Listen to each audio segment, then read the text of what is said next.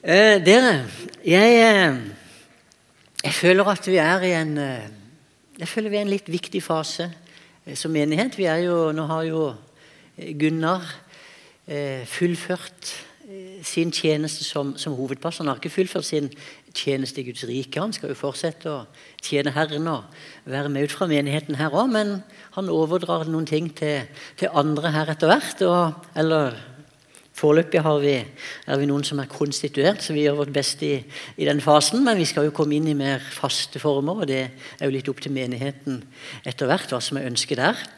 Men vi er i en, vi er en viktig fase. Og, og, en slags overgang. Og, og jeg kjenner eh, det, det, som har ligget på mitt hjerte her nå på nyåret, det er det som jeg forsøker å dele eh, litt med menigheten her. Og så er det det som jeg ønsker å ta oss videre i dag. Jeg vet ikke om dere har lagt merke til det, men dere som var her første eh, nyttårsdag, da hadde jeg en liten tale som jeg kalte 'Et bygg som blir stående gjennom alt'. Hvis ikke dere har hørt det, så kan dere høre det kanskje på det som Jan Inge sender ut. Da jeg talte her forrige gang, for to uker siden, så var det verdens sterkeste byggverk. Og i dag skal jeg ta oss litt videre. Eh, for jeg har kalt eh, Tittelen i dag er 'Et funksjonelt bygg'. Og dere vet jo det, jeg snakker ikke om eh, jeg snakker ikke om bygget som vi sitter i, men jeg snakker jo om det bygget som Jesus er i ferd med å reise opp på jorda, som er hans kropp. Vi som er menigheten, er jo dette bygget. Og vi, ja, vi har fått opp bildet allerede. Takk skal du ha. Jeg avslutta jeg avslutta forrige tale med denne drømmen. Jeg sa det. Jeg drømmer om et fellesskap som er så sterkt at det beholder alle som kommer. Jeg drømmer om et fellesskap som er så varmt at alle skal kjenne seg elska, som kommer inn iblant oss her. Jeg, glem, jeg, drømmer om et fellesskap som er så stort at hele denne salen skal sprenges og fylles. Jeg drømmer om et fellesskap som er så inkluderende at de som har del i det, de vil lengte etter å komme tilbake. Jeg lengter etter et fellesskap som er så helbredende at mennesker skal bli reist opp fra alle slags sykdommer. Jeg drømmer om et fellesskap som er så brennende at mennesker skal komme hver eneste uke og bli frelst. Og vi takker deg, Jesus, for at uh, du er midt iblant oss. Og vi takker deg, Herre, for at det som ligger på ditt hjerte, det skal bli realisert i oss, gjennom oss og ut fra oss. Herre, her er vi din kropp, og vi ber om at du skal gjøre med oss det som ligger på ditt hjerte. Og vi ber, Herre, om at du også denne søndagen skal føre oss et hakk videre. At du skal løfte oss opp på et nytt nivå. At vi skal forstå enda mer av hva det vil si å være en menighet. At vi skal forstå hva som er din hensikt med at vi er akkurat her, og at du har utvalgt akkurat oss til å utgjøre dette fellesskapet. Herre, vi priser deg, og vi takker deg for at du fører oss videre og inn i det som du lengter etter at denne menigheten skal være. I Jesu Kristi navn. Amen. Amen. Og så kan vi spørre, for det er greit å ha en drøm, men det som er viktig for oss, ja, hvordan, hvordan kan dette skje?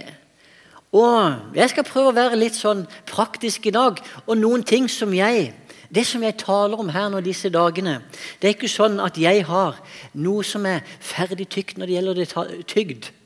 Ferdig tygd. Når det gjelder alle detaljer. fordi det kan jeg si. Jeg ønsker, og vi som lederskap òg, vi vil involvere menigheten. Vi vil involvere dere som er Jesu kropp, og sammen må vi finne veien. Sammen ut ifra Guds ord må vi finne de tjenestene vi trenger. Vi må finne hva som er behovet, og det som Jesus har kalt oss til. Og vi kommer til, og jeg, jeg kommer til å ta tak i med medarbeidersamlinger og sånt. Det må vi få på plass, sånn at vi skal komme sammen og søke Jesus. Og sammen finne den veien. For det er viktig. Men bare en kort repetisjon også. Dere vet det som jeg har sagt, og det som, og det som jeg kommer til å være med og reindyrke hvis jeg får sjanse til det, det er disse her fire som, Jesus, som, som for meg Hvis du spør hva skal vi holde på med som menighet, så er det akkurat dette her. Jo, vi skal vinne mennesker for Jesus. Vi skal for det andre De som blir vunnet, de må bli grunnfesta i troen. Det hjelper ikke å vinne mennesker hvis de forsvinner ut den andre døra om to uker. Vi må grunnfeste de i troen. Vi er også kalt til å disippelgjøre. Mennesker som skal vokse i troen, som skal forstå hva det vil si å være en kristen, og hva slags nådegaver de har, sånn at de kan bli sendt ut og selv være med og vinne mennesker. Og Hvis noen spør hva skal en menighet holde på med, det er dette her vi skal holde på med hele tiden. Det er ikke noe annet. Jeg tror de fire ordene det det er essensen i det som er Guds ord, det som er Jesu kall til sin kirke. Vinne, grunnfeste, disippelgjøre og sende. Og i alt det når det fungerer, så vil Gud bli tilbedt, og hans navn blir æra, og menigheten vil være sunn og attraktiv og være i vekst. Og Det er ikke bare noe sånn hokus pokus, men det er viktig at vi har noe som vi skal strekke oss etter og jobbe imot. Og så er det viktig Husk det. Det kommer jeg sikkert til å si mange ganger. Men husk, det er Jesu menighet. Det er ikke min menighet. Det er ikke vår menighet. Det er Jesu menighet. Det var han som grunnla menigheten. Det var faktisk Jesus som døde for menigheten. Og han sendte sin ånd til menigheten. Det står etter at han hadde stått opp fra de døde, så dro han til himmelen. Og han mottok fra sin far Den hellige ånd, og utøste han over menigheten. Det er Jesus som en dag skal komme tilbake for å hente menigheten, for det er hans brud. Han holder på å gjøre i stand et bryllup der oppe. Det er Jesu menighet, og det må vi alltid huske. Og som menighetens eier så er det han som har bestemt målene. Og vi kan ikke omgjøre de, men vi må finne ut hva er det han vil. Og det er vår plikt å forstå hvilke mål Jesus har for menigheten, og strekke oss mot dem. Det er alle kristnes plikt. Programmer, former, de kan vi endre i enhver generasjon. Vi kan aldri endre målet. Jeg satt og snakka med noen, noen, i går her når vi var på Ung voksen. satt og snakka rundt bordet. Dette med skinnsekkene som Jesus snakker om. Ny vin i nye skinnsekker. Formene de må endres. De må endres med generasjonen, de må endres med kulturen. Men innholdet det er det samme målet Jesus har satt. Vi kan finne nye former for tjenesten, men vi kan aldri endre substansen. Den har Jesus gitt oss. Og Jesu vilje, det er at hans kropp skal være i kontinuerlig vekst og bli sterkere og sterkere. Og hvordan kan vi bli et fellesskap der mennesker legges til menigheten hele tiden, og der vi vokser inn i det som er Jesu vilje? Åssen kan vi være et sånt fellesskap?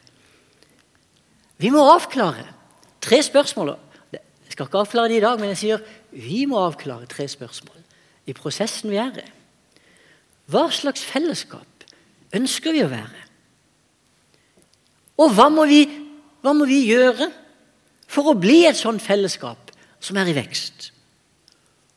Og hva hindrer vårt fellesskap i å bli dette? Hva hindrer vårt fellesskap i å vokse inn i det som er Jesu vilje? Hvis dere har Dere har kanskje ikke gjort det, men det er noen av oss vi har lest kirkevekstteorier. Det måtte vi jo når vi studerer teologi og sånn. Og Når vi leser kirkevekstteorier, så er det veldig ofte de har utgangspunkt i hva må vi gjøre for å vokse? Hvilke gode ideer må vi finne på for at vi skal være en menighet i vekst? Men egentlig så er det litt motsatt når vi ser i Bibelen. Hva er det som hindrer vekst? For du ser, i et sunt legeme, der skjer veksten automatisk. Og det, det, det, rette spørsmålet er derfor ikke 'hvordan skal vi vokse', men vi må finne ut hva hindrer veksten. F.eks. barn. Hvis et barn stopper å vokse, så vet vi noe er galt. For det vokser naturlig. Og Hvis foreldre ser at barna har slutta å vokse, så vil de ta det med til legen. De vil finne, sette i gang alle mulige slags prosesser for å se hvordan kan mitt barn få en normal vekst. Alt levende vokser, og vi kan ikke befale noe å vokse. Du kan ikke stå foran epletreet ute i hagen og si 'voks', 'voks', 'voks'. Du kan tale med autoritet. 'Jeg befaler deg å vokse'. Det vil ikke hjelpe. Men det vokser av seg selv hvis det er normalt og sunt. Og Jesus han sa faktisk det. Han fortalte en lignelse en gang. Han sa sånn Med Guds rike er det slik. Det er som når en mann har sådd korn i åkeren. Hørte du? Han har sådd korn i åkeren, men så kommer det Han sover og står opp. Det blir natt, og det blir dag, og kornet spirer og vokser, men han vet ikke hvordan det skjer. Av seg selv gir jorden grøde, først rå, så aks, og til sist moden korn i akse. Så snart grøden er moden, svinger han sigden, for høsten er kommet. Av seg selv. Tenk det. Han sår, og så la han seg bare til å sove. Og når han våkna, kanskje ikke etter første natta, men en dag vokste han, så så han det er vekst. Sånn er det, sier Jesus. For du ser, menigheten er en organisme, ikke en organisasjon. Og Derfor er det naturlig å vokse. Det er naturlig. Det er unaturlig for et fellesskap ikke å vokse, for hvis ikke det er vekst, så er det noe sykt som har inntrådt. Og Derfor må vi finne ut hva er barrierene? Hva er det som hindrer vekst? Når vi får vekk hindringene, så vil veksten komme automatisk. Og Derfor Det som først og fremst er vårt fokus, det er ikke kirkevekst, men det er kirkesunnhet. Du ser, nå skal, jeg, nå skal jeg ta dere med inn i to ting. Og Dette er ikke mitt fag, men dette har jeg bare lært og lest om. Okay? Men jeg skal likevel våge meg inn på noe her, litt i biologien og litt i jordbruket her. Men vi vet Eller det er ikke sikkert Jo, jeg tror no, mange her vet det, men sikkert ikke alle. Men menneskekroppen den inneholder ni forskjellige systemer. Okay? Ni forskjellige systemer som består av ulike organer som støtter hverandre i utførelsen av forskjellige kroppslige funksjoner. Og, og, disse ni systemene de samarbeider med hverandre, sånn at kroppen kan fungere og operere på et maksimalt nivå. Skal dere høre det? Eh, eh, det er, så, det er ikke så, viktig, men dere skal få det allikevel. Hør på disse ni systemene som kroppen vår består av. Det er sirkulasjonssystemet, fordøyelsessystemet, det endokrine systemet Ikke spør meg hva det er. Muskelsystemet, nervesystemet, reproduksjonssystemet, luftveiene, skjelettsystemet og urinveiene. Hver av disse har en spesifikk funksjon i kroppen. Og hvis ett av et av disse systemene bare ikke fungerer som det skal, så har det jo oppstått en ubalanse i kroppen. og det, Da snakker vi om sykdom. En eneste ubalanse kan sette hele kroppen ut av spill. Så alle disse ni systemene er viktige. Og La meg også bruke et eksempel fra landbruket for at vi skal forstå dette. For snart 175 år siden, 175 år siden så var det en biolog og kjemiker som het Justus von Liebig. Jeg tar med navnet hans, for jeg synes han har et veldig fint navn. Men Justus von Liebig, vet du hva han fant ut? At en plante trengte fire mineraler for å vokse. Da snakker vi om jorda. Trenger nitrogen, kalium, kalk og fosfor.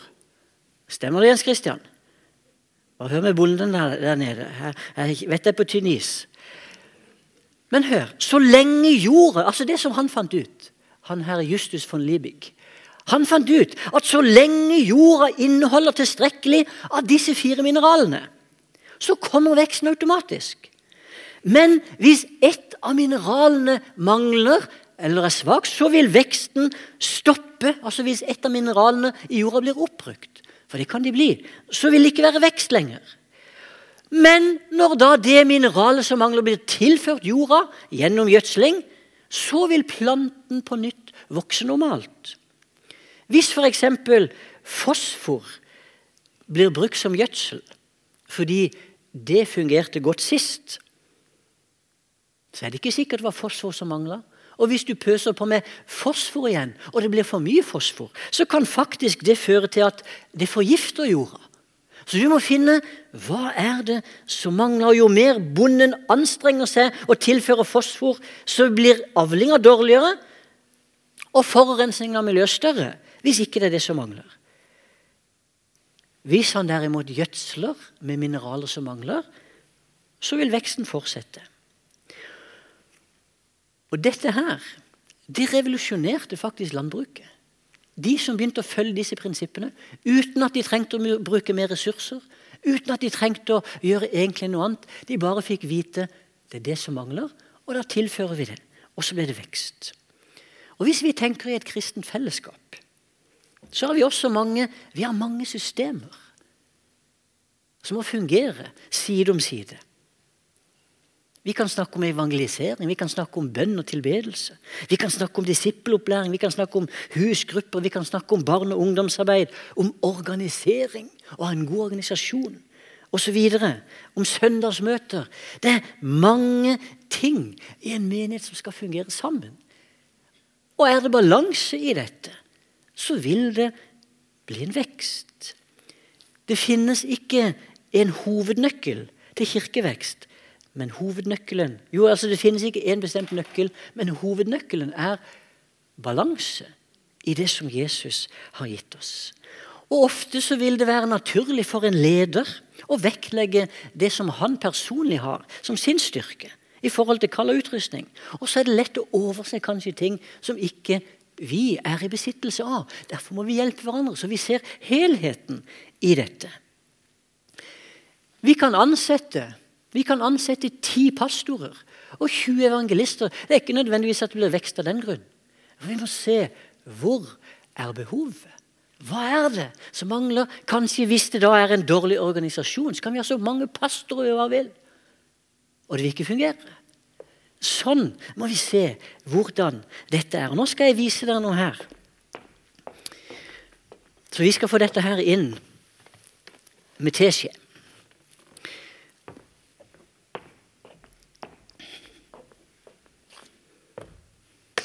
Nå tenker vi at uh, denne bøtta her Det er menigheten. Det er Filadelfia Vennesla. Kunne vært hvilken som helst menighet. Den ser jo veldig bra ut, men hvis du ser her, i en menighet så er det aldri sånn at alt er, er helt på topp. Derfor har jeg og nå, nå må dere be for meg i dag, for nå har jeg tatt ei av bøttene på bøttekottet og så skjært hull i den. så når jeg skal møte Kari i morgen, jeg skal se henne i øya, så må jeg si Kari, jeg trengte den til talen. Ok? Så vær i forbønn. Ja, å, takk skal du ha, Kari. Hun ga tommel opp. Hadde, det sto så veldig mange der, så jeg tenkte, jeg tok ei som jeg så ikke vi brukte til vasking. Dere, dette, dette er menigheten. Ok? Og så her har vi da Du vet Den hellige ånd. Han kommer med levende vann. Gud kommer med kraft, og Gud kommer med det som hører han til. Ja, jeg har faktisk vann oppi her. Og Hvis vi skulle tenke at det som er Guds ønske Guds ønske er jo at denne bøtta skal bli full av alt som har med han å gjøre. Hvis vi ser her nå Jeg heller her akkurat der. Jo, men da tar vi en litt sånn bak.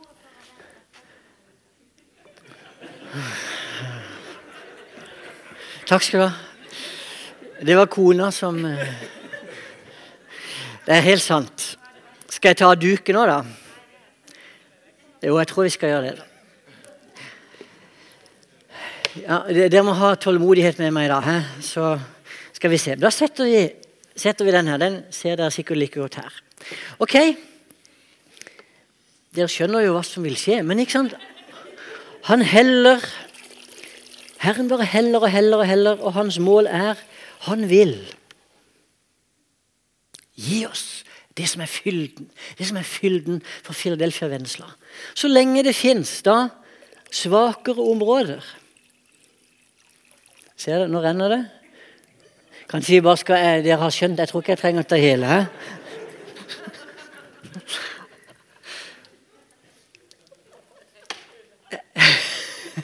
Ja, ja, ja. Det er mer. Det er mer. Herren har mer å gi. Flere folk, flere velsignelser, flere gaver. Alt kan nevne hva som helst. Alt som kommer fra Gud. Han har mer og mer og mer og mer. Men vi vil aldri få tak i hele potensialet hvis det er noe vi vil styrke. Så kan jeg spørre ja, hva må vi gjøre. Så kan vi si ja, vi må be mer. Ja, det er alltid viktig å be. Men hvis det er sånn at, eh, at det er Kanskje det er eh, at, det, at det er evangeliseringen som er svak. Kanskje det er selve organisasjonen. Kanskje det er møtene våre. Skjønner du? Vi kan nevne titalls eksempler på det som kan være svakt. Så lenge du vil aldri være sterkere enn det svakeste punktet. Og Derfor må vi som inn, vi må finne ut hva er det Hva er det vi trenger å styrke.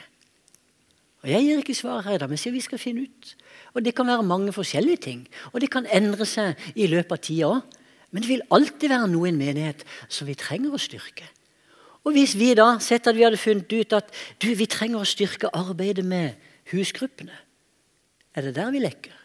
Ok, Så kan vi begynne å bli bedre og bedre, og høy, jo høyere opp det kommer. Og så ser vi ok, men så har vi her også kanskje at det er sånn at eh, vi trenger en litt annen fordeling av hvilken type ansatte vi skal ha i menigheten. Ok, Så må vi styrke det. Kanskje vi har for mange av noen tjenester, og så må vi få inn noen andre. Er dere med? Vi blir aldri sterkere enn det svakeste leddet. Og der er det at vi trenger å være med Jesus og at han må lede dette. For du ser, det som jeg, sier, det som jeg snakker om her At alle må være i funksjon. Det er dette som Paulus også skriver om. Og hør godt etter nå. Hør godt etter. For det er illustrert her. Dette står det om i Bibelen. Og Den teksten jeg skal lese nå Noen vil si ja, men den har jeg lest mange ganger før. og Det tror jeg mange av dere har. Men hør. Hør etter denne søndagen. Hør bedre etter enn noen gang før. Sånn som jeg leser her nå, det er Jesu vilje for menigheten. Så skriver Paulus, 1. Korinterbrev 12. Slik kroppen er én, selv om den har mange lemmer, og alle lemmene utgjør én kropp, enda de er mange, slik er det også med Kristus. For med én ånd ble vi alle døpt til å være en kropp, enten vi er jøder eller grekere, slaver eller frie, og alle fikk vi en ånd å drikke. For kroppen består ikke av én kroppsdel, men av mange. Om nå foten sier 'fordi jeg ikke er hånd', hører jeg ikke med til kroppen, så er den like fullt en del av den om øret sier fordi jeg ikke er øye, hører jeg ikke med til kroppen. Så er den like fullt en del av den. Hvis hele kroppen var øye, hvor ble det da, ble det da av hørselen? Hvis det hele var hørsel, hvor ble det da av luktesansen? Men nå har Gud gitt hvert enkelt lem på sin plass på kroppen slik han ville det. Gud har gitt hvert enkelt lem sin plass på kroppen slik han ville det. Hvis det hele var én kroppsdel, hvor ble det da av kroppen? Men nå er de mange kroppsdeler, men bare én kropp. Øyet kan ikke si til hånden 'Jeg trenger deg ikke', eller hodet til føttene 'Jeg har ikke bruk for dere'. Tvert imot. De delene av kroppen som synes å være svakest, nettopp de er nødvendige. De kroppsdelene som vi synes er mindre ære verdt, dem gir vi desto større ære. Og de delene vi føler skam ved, kler vi desto mer sømmelig. De andre trenger det ikke, men nå har Gud satt sammen kroppen slik at det som mangler ære, får mye ære. For at det ikke skal bli splittelse i kroppen, men alle lemmene skal ha samme omsorg for hverandre. For om ett lem lider, lider alle de andre med. Om ett lem blir hedret, gleder alle de andre seg. Dere er Kristi kropp, og hver av dere et lem på ham. Tenk om det kunne være sånn iblant oss. At vi både kan ha omsorg, lide sammen med de som lider. Og at vi kan glede oss hvis en iblant oss blir hedra. At ikke vi er misunnelige. At ikke vi går imot han eller henne. Men at vi bare gleder oss. Tenk om vi kunne være et sånt fellesskap. Og at vi kunne være et fellesskap der alle medlemmene er i funksjon.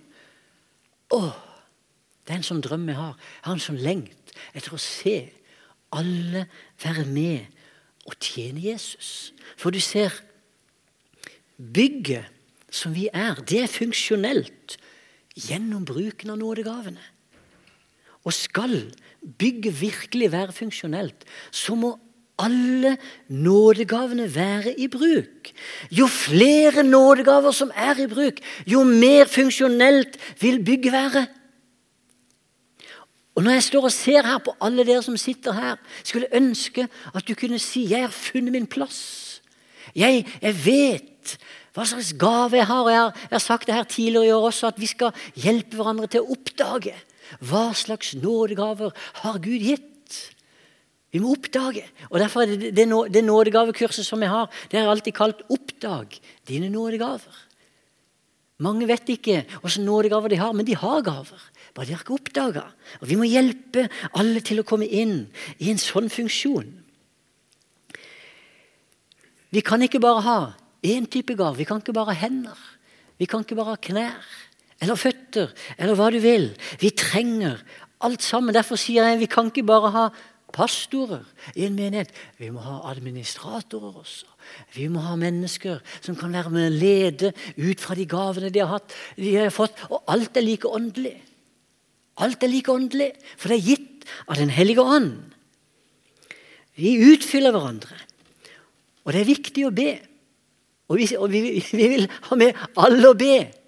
Men det er ikke det eneste vi kan gjøre i en menighet. Vi må også vite åssen skal vi virke der ute. For hvis det er ubalanse, så vil det ikke være vekst. I den første menigheten i Jerusalem så ble det en liten ubalanse der etter en kort tid, fordi gresktalende enkene de kjente seg tilsidesatt under matutdelingen, for de jødiske fikk mer enn de, og noen ganger så fikk de ikke noe i det hele tatt. Og Apostlene skjønte vi har ikke kapasitet til å ta oss av dette. her. For de hadde en tjeneste med ord og bønn, som det står. Så de måtte innsette syv diakoner. Og de etter, og det var ikke sånn at det var liksom en, en, en eh, oppgave på siden av den andre, men det var syv menn som var fylt med Den hellige ånd, som de innsatte.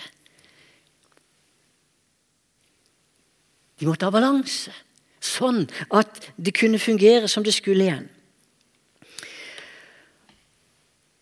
Og Det som er viktig for meg å si Vi må bruke nådegavene rett. Og det, og det jeg skal si her nå, det ligger veldig på hjertet mitt. Du ser, alt Gud har gitt oss, det er godt. Men vi må finne den rette måten å bruke det på, så ikke vi skal misbruke dette. Og Det er spesielt to, to måter som vi kan misbruke eller gjøre dette på, som jeg tror ikke er etter Guds vilje. Det ene er som jeg sier, Vi må unngå to tabber. Det ene er at vi opphøyer én gave på bekostning av de andre. Det står vi alltid i fare for. I alle menigheter og hos oss òg. Vi står i fare for å tenke at, og spesielt at vi som står her framme, liksom, at vi har viktigere nådegaver enn kanskje de som ikke eh, liker å stå på scenen engang.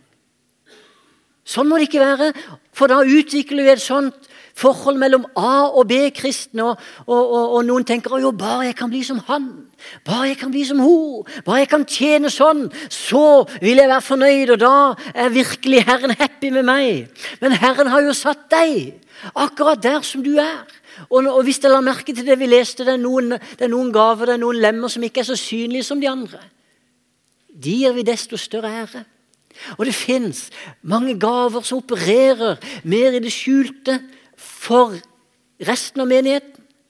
Det fins mennesker som har helt spesielle gaver, helt spesielle omsorgsgaver, der de tar en telefon. De sender en SMS. De går på et besøk. Det er mennesker som kan sitte time etter time hos mennesker som er syke. Mennesker, Og de kan sitte og lytte og lytte og lytte. De kan snakke om det samme 13 og 14 og 15 ganger. Og bare sitter og lytter. Jeg klarer ikke det. Jeg gjør ikke det. Men menigheten har sånne mennesker. Jeg er med på gjennombruddet. Jeg vil ha gjennombrudd, og Sånn er det når vi er rundt og ber. Jeg har gjennombruddet som får andre komme og ta, ta, ta det som er videre. For vi må utfylle hverandre. Vi utfyller hverandre i dette.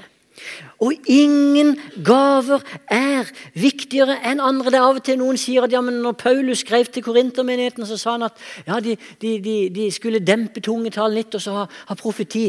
Jo, men det var en spesiell situasjon. Det var en spesiell situasjon.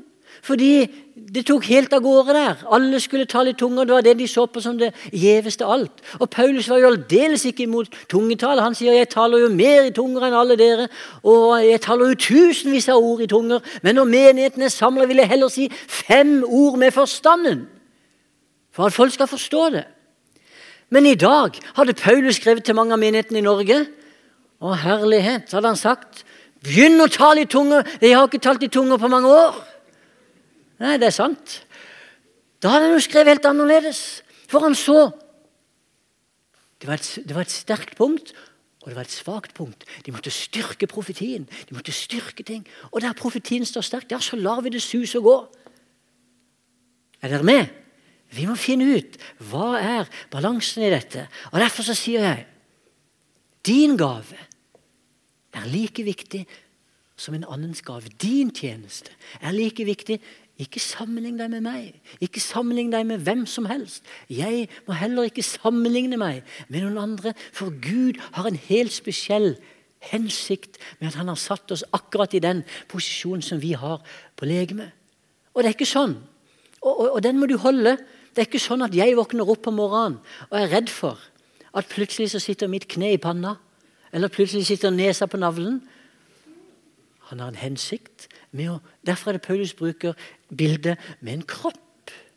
Ikke sant? Det er kroppen. Vi skal ikke endre på kroppen. Jesu kropp er fullkommen. For det er han som har gjort den sånn. Så vi skal ikke opphøye en bestemt gave. Men jeg håper du kan tro meg på det. Og du må si til deg selv Min gave er like viktig som de andre. Det må du si til deg selv. Så må du begynne å si det hver eneste dag. Si når du kommer hjem i dag. Jeg taler dette inn som tro i livet ditt. Det er like viktig. Håkon som sitter der nå, eller Jan Arild som sitter der nå. Hva hadde det vært på veggen her, eller hva hadde det vært av lyd? Hvis ikke de satt der, hvis ikke de hadde stilt før, i god tid før møtet begynner. Skjønner du? Vi hjelper hverandre. De som var her i går, de som har gjort menighetslokalet i stand her.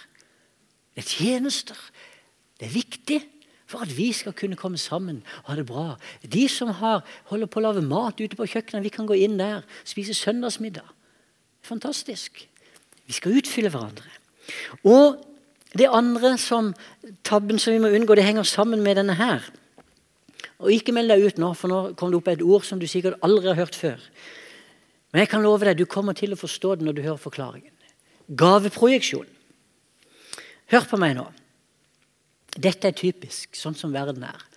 Mange kjente predikanter som har vært med på noe ekstraordinært, de blir ofte beæra med en biografi, Enten at de skriver selv, eller noen skriver en biografi for dem. Og i nesten alle disse biografiene så er det ikke uvanlig at predikantene de forsøker å forklare årsaken til sin litt uvanlige og ekstraordinære tjeneste. Og det er interessant. Nesten alltid så er konklusjonen ganske lik, fordi de bygger sin suksess på det jeg kaller innvielsens teologi, og ikke på nådegavenes teologi.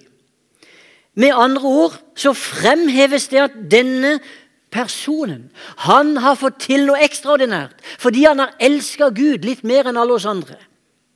Og Derfor gis det inntrykk av at dersom en hvilken som helst troende elsker Gud på samme måte og innvier seg like sterkt som disse predikantene, så vil du få en tjeneste som er like stor og like mektig som den de har hatt. Og Skulle du derimot ikke være i stand til å gjennomføre det samme, så vet du problemet er din relasjon til Gud. Sånn kan man få inntrykk. Og det er ikke fordi de vil det, men det er bare at sånn trekker man ofte konklusjoner ut av det. Og dette er en gaveprojeksjon. Det er sånn at det er en som sier 'Jeg er bare en vanlig troende. Jeg er akkurat sånn som dere.'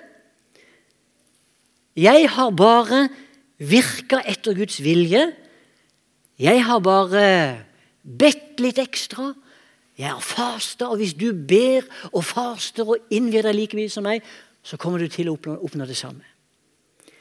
Men det blir feil. Det som ikke de sier, det som jeg savner noen ganger, de sier ikke 'jeg har hatt en sånn tjeneste fordi Gud utrusta meg', fordi Gud utvalgte meg, fordi Gud satte meg til en sånn tjeneste. Det blir som om, hvis dere husker den lignelsen Jesus fortalte, han sa det var en som fikk fem talenter, det var en som fikk to, og det var en som fikk én. Han som fikk fem talenter, han hadde ti når Herren kom tilbake. Han som fikk to, han hadde fire. Og det ville bli som om han som hadde fått fem talenter, sa til han, han som eh, hadde fått to Aha, se, jeg har ti talenter, og du har bare fire. Hadde du gjort som meg, så kunne du ha ti. Men da glemte han. Herren ga ham faktisk fem, og han andre ga han to. For Herren gir oss forskjellige, også forskjellige mål av tro står det i Bibelen. Herren gir oss forskjellige mål av gavene. Det kan være den samme evangelistgaven som virker i en som har fått en tjeneste i en én-til-én-undervisning. En som har fått i tjeneste Han vinner ett og ett menneske. Det er den samme evangelistgaven som er i han som i Reinhard Bonke, som vant millioner. Men Hvor mange Reinhard Bonke var det i verden? Hvor mange Billy Graham har det vært? Det har ikke vært én million av hver. Skjønner du? Vi er den som Jesus har kalt oss til å være. Og uten å ville det De som står for en sånn gaveprojeksjon, noen ganger så får de de kristne til å si fordi jeg ikke er hånd, så hører jeg ikke med til kroppen. Det blir som om kne skulle si fordi jeg ikke er albue, så hører jeg ikke med til kroppen. Og det må vi unngå. Og det vil jeg unngå. Det er derfor jeg sier vær i det som Jesus har gitt deg.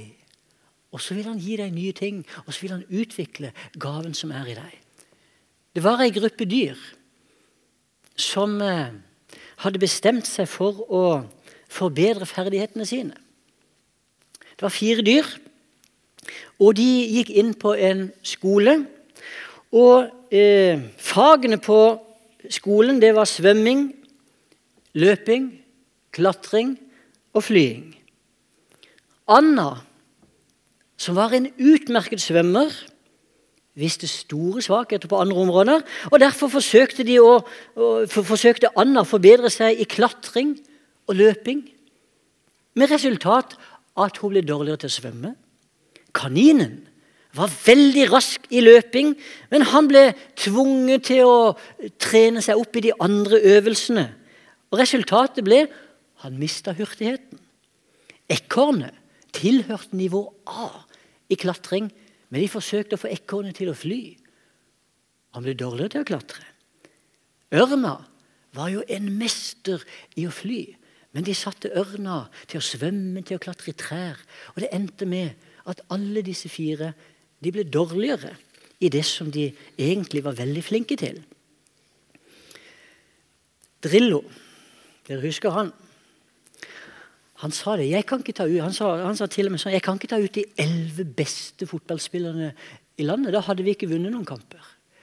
Han kunne ikke ta ut elleve like fotballspillere som kanskje var gode tekniske som kanskje var gode angrepsspillere.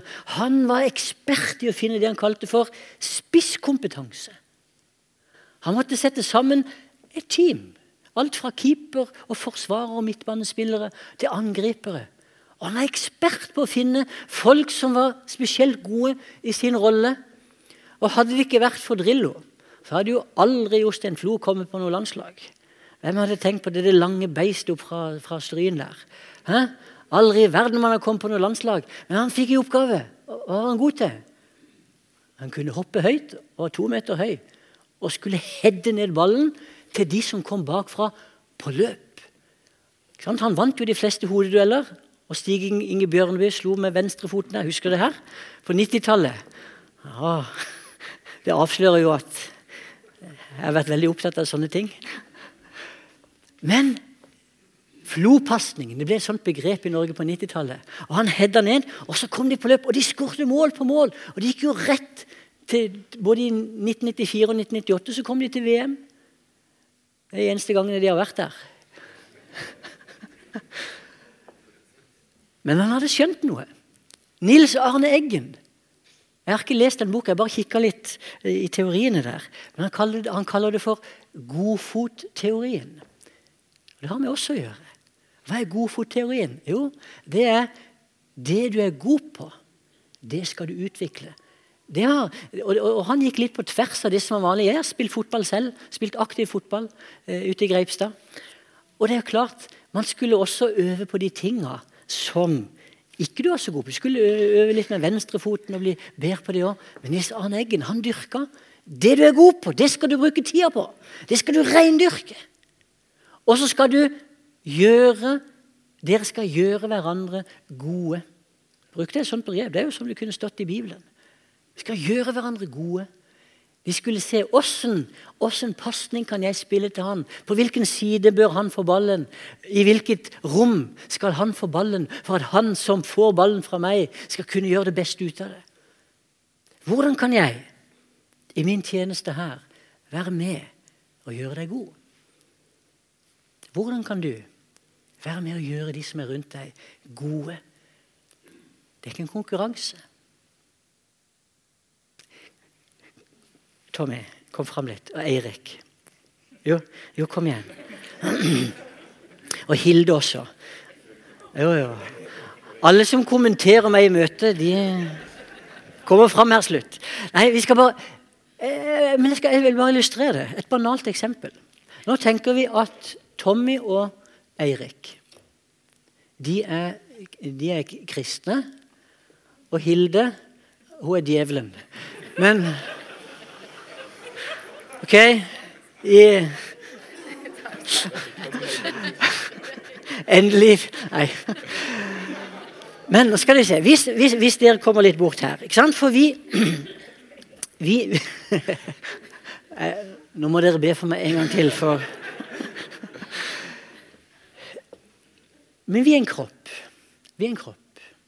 Og vi skal gjøre hverandre gode. Hva er det, hva er det, for, for, for klart, Noe av det tristeste som skjer, det er jo når, når vi som Guds folk Hvis vi kommer i klinsj med hverandre. For vi er en kropp. Altså, Vi er en kropp. altså Hvis det som jeg skulle stå og dra til meg sjøl, hvis jeg krangler med Vi skal jo oppbygge hverandre. Vi skal jo stå sammen for motstanderen. Den eneste motstanderen vi har, det er ikke andre mennesker, men det er djevelen. Grant? Djevelen er vår Jeg skjønner jeg sliter med å komme ut av dette. Men... Ikke sant? Og hvis vi tenker da hvis Det står det. Djevelen angriper oss med brennende piler, og han kommer som en brølende løv. ikke sant? Kanskje ikke akkurat sånn. Og da må jo vi stå sammen. altså Alt vi holder på med, det er ikke kampen mot djevelen. Men, men, men hvis, hvis, hvis, det er kamp Hvis eksempel, Kan ikke dere liksom late som dere slåss litt? Bare, bare liksom Bare gå i hverandre sånn. Hvis de, hvis vi som kristne krangler, slåss Djevelen trenger ikke gjøre noen ting. Da klarer vi sjøl å sette oss helt ut av spill. Ja, Dere kan egentlig få gå ned. Takk skal dere ha. Dere har skjønt det.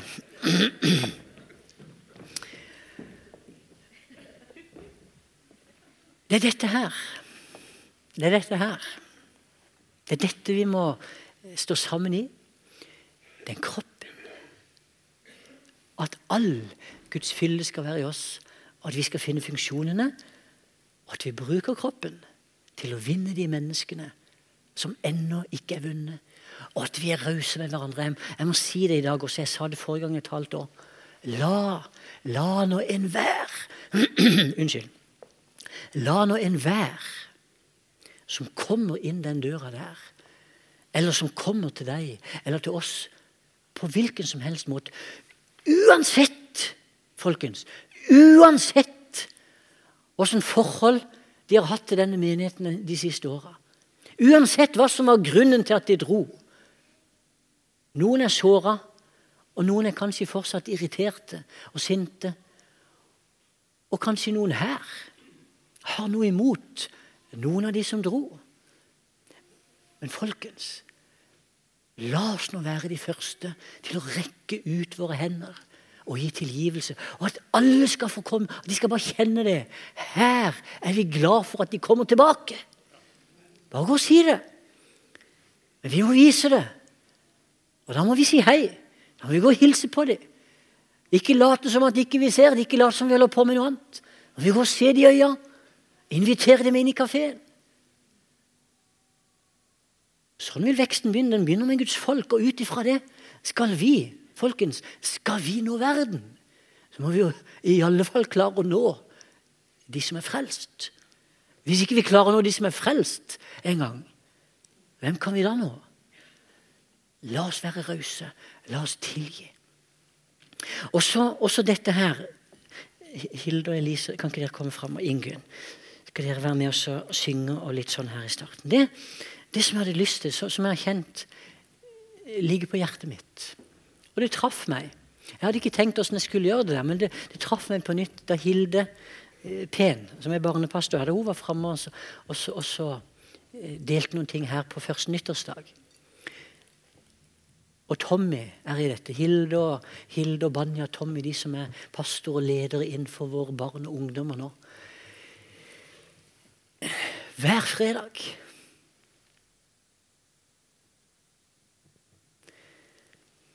Hver fredag kommer en haug med folk her som ikke har foreldre som sitter her nå. På face to face. Fredag. Nesten 50 ungdommer. Nå har, Tommy begynt å jobbe på ungdomsskolen, så vi ser allerede en liten frykt. Han, han, han, sitter allerede med læreren i friminutt, han er bare ute. Jeg tuller ikke. Vi må be. Oppi her Jeg tror det er ca. Eh, det er Banja som har ordna dette for meg. Jeg tror det er ca. 400 navn. 400 navn. Vi kan jo ikke sette fulle navn det skjønner, for, for, det er personvern. Så Vi har jo ikke satt etternavn og noe som helst, så ingen kan spores. sånn, som vi, vi, vi kan ikke ta, Vi har satt fornavn, og det kunne jo sånn sett vært hvem som helst. Men det er ikke hvem som helst. For det er folk som kommer til oss. Som er registrert hos oss. Og de fleste av de, kanskje ikke de har en far og en mor. Kanskje ikke de har en bestemor eller bestefar som ber fordi vi snakker om bønnebarn. Kanskje at noen av disse ikke er bønnebarn engang. Men nå skal de bli det. Og det var det når Hilde delte det. Kan vi være med? Kan dere være med? Og det er det som er min utfordring til dere som er her i dag. Kan vi være med og tenke stort? De kommer inn her. Lager de bråk og ståk? Ja visst gjør de det. Det er maurtue. Ødelegger de ting? Ja, ting blir ødelagt òg. Vi ønsker ikke det, så vi prøver så godt de kan å hindre det, selvsagt. Men, men det skjer. Når det kommer 150 barn, f.eks ser at ting blir ødelagt. Men kan vi elske dem? Kan vi være med og be for dem? Og det som, er, det som jeg skal utfordre til her i dag, ser du, det er at alle vi som er her, kan du ta med. Om noen kjenner Jeg, jeg skal ta med ett navn. Kanskje noen sier jeg vil ta med, jeg skal ta med ti navn. Jeg skal ta med fem navn. Ta med fem, ta med navn. Og så begynner du å be For disse personene, det er ikke bare en lapp. Dette er mennesker. Det ble litt små lapper, men du kan legge så kan du ta bilde av dem, eller du kan skrive det inn på en større lapp og legge det i bilen. I, ikke bilen, Bibelen. Skal vi stå opp? For jeg hadde lyst Jeg hadde lyst til det. Før vi Før vi ber Eller jeg kunne egentlig tenkt, jeg kunne egentlig tenkt det at vi nå nå, skal jeg sette, Vi skal gjøre det sånn at vi skal, vi skal komme fram og ta disse navnene. Jeg kommer til å sette den, den uh, skåla på bordet her.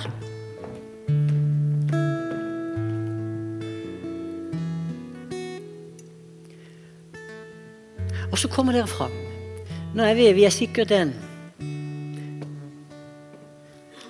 100 stykk her i alle fall. Så ta to-tre lapper. Kanskje flere, men noe sånt. Og så tar du med hjem og ber. Hvis ikke du vil, så er det helt greit. Men jeg håper at du vil være med. Be både generelt for barne- og ungdomsarbeidet. Vi skal be for mye annet òg, men det er det som jeg kjente Herren la på hjertet mitt i dag. Men også spesielt for disse navnene. Kunne vi gjort sånn? Hvis dere bare begynner å, spille og synge litt, at dere kommer og så henter dere nå noen få lapper hver, to-tre lapper hver, og så går dere tilbake på plassen, og så skal vi avslutte med å be sammen. Kan vi gjøre det? Så, så leder dere oss i en sangtime eh, bak her. Bare begynn å komme fram, og så henter dere, og så går dere ned igjen på plassen. Takk skal dere ha.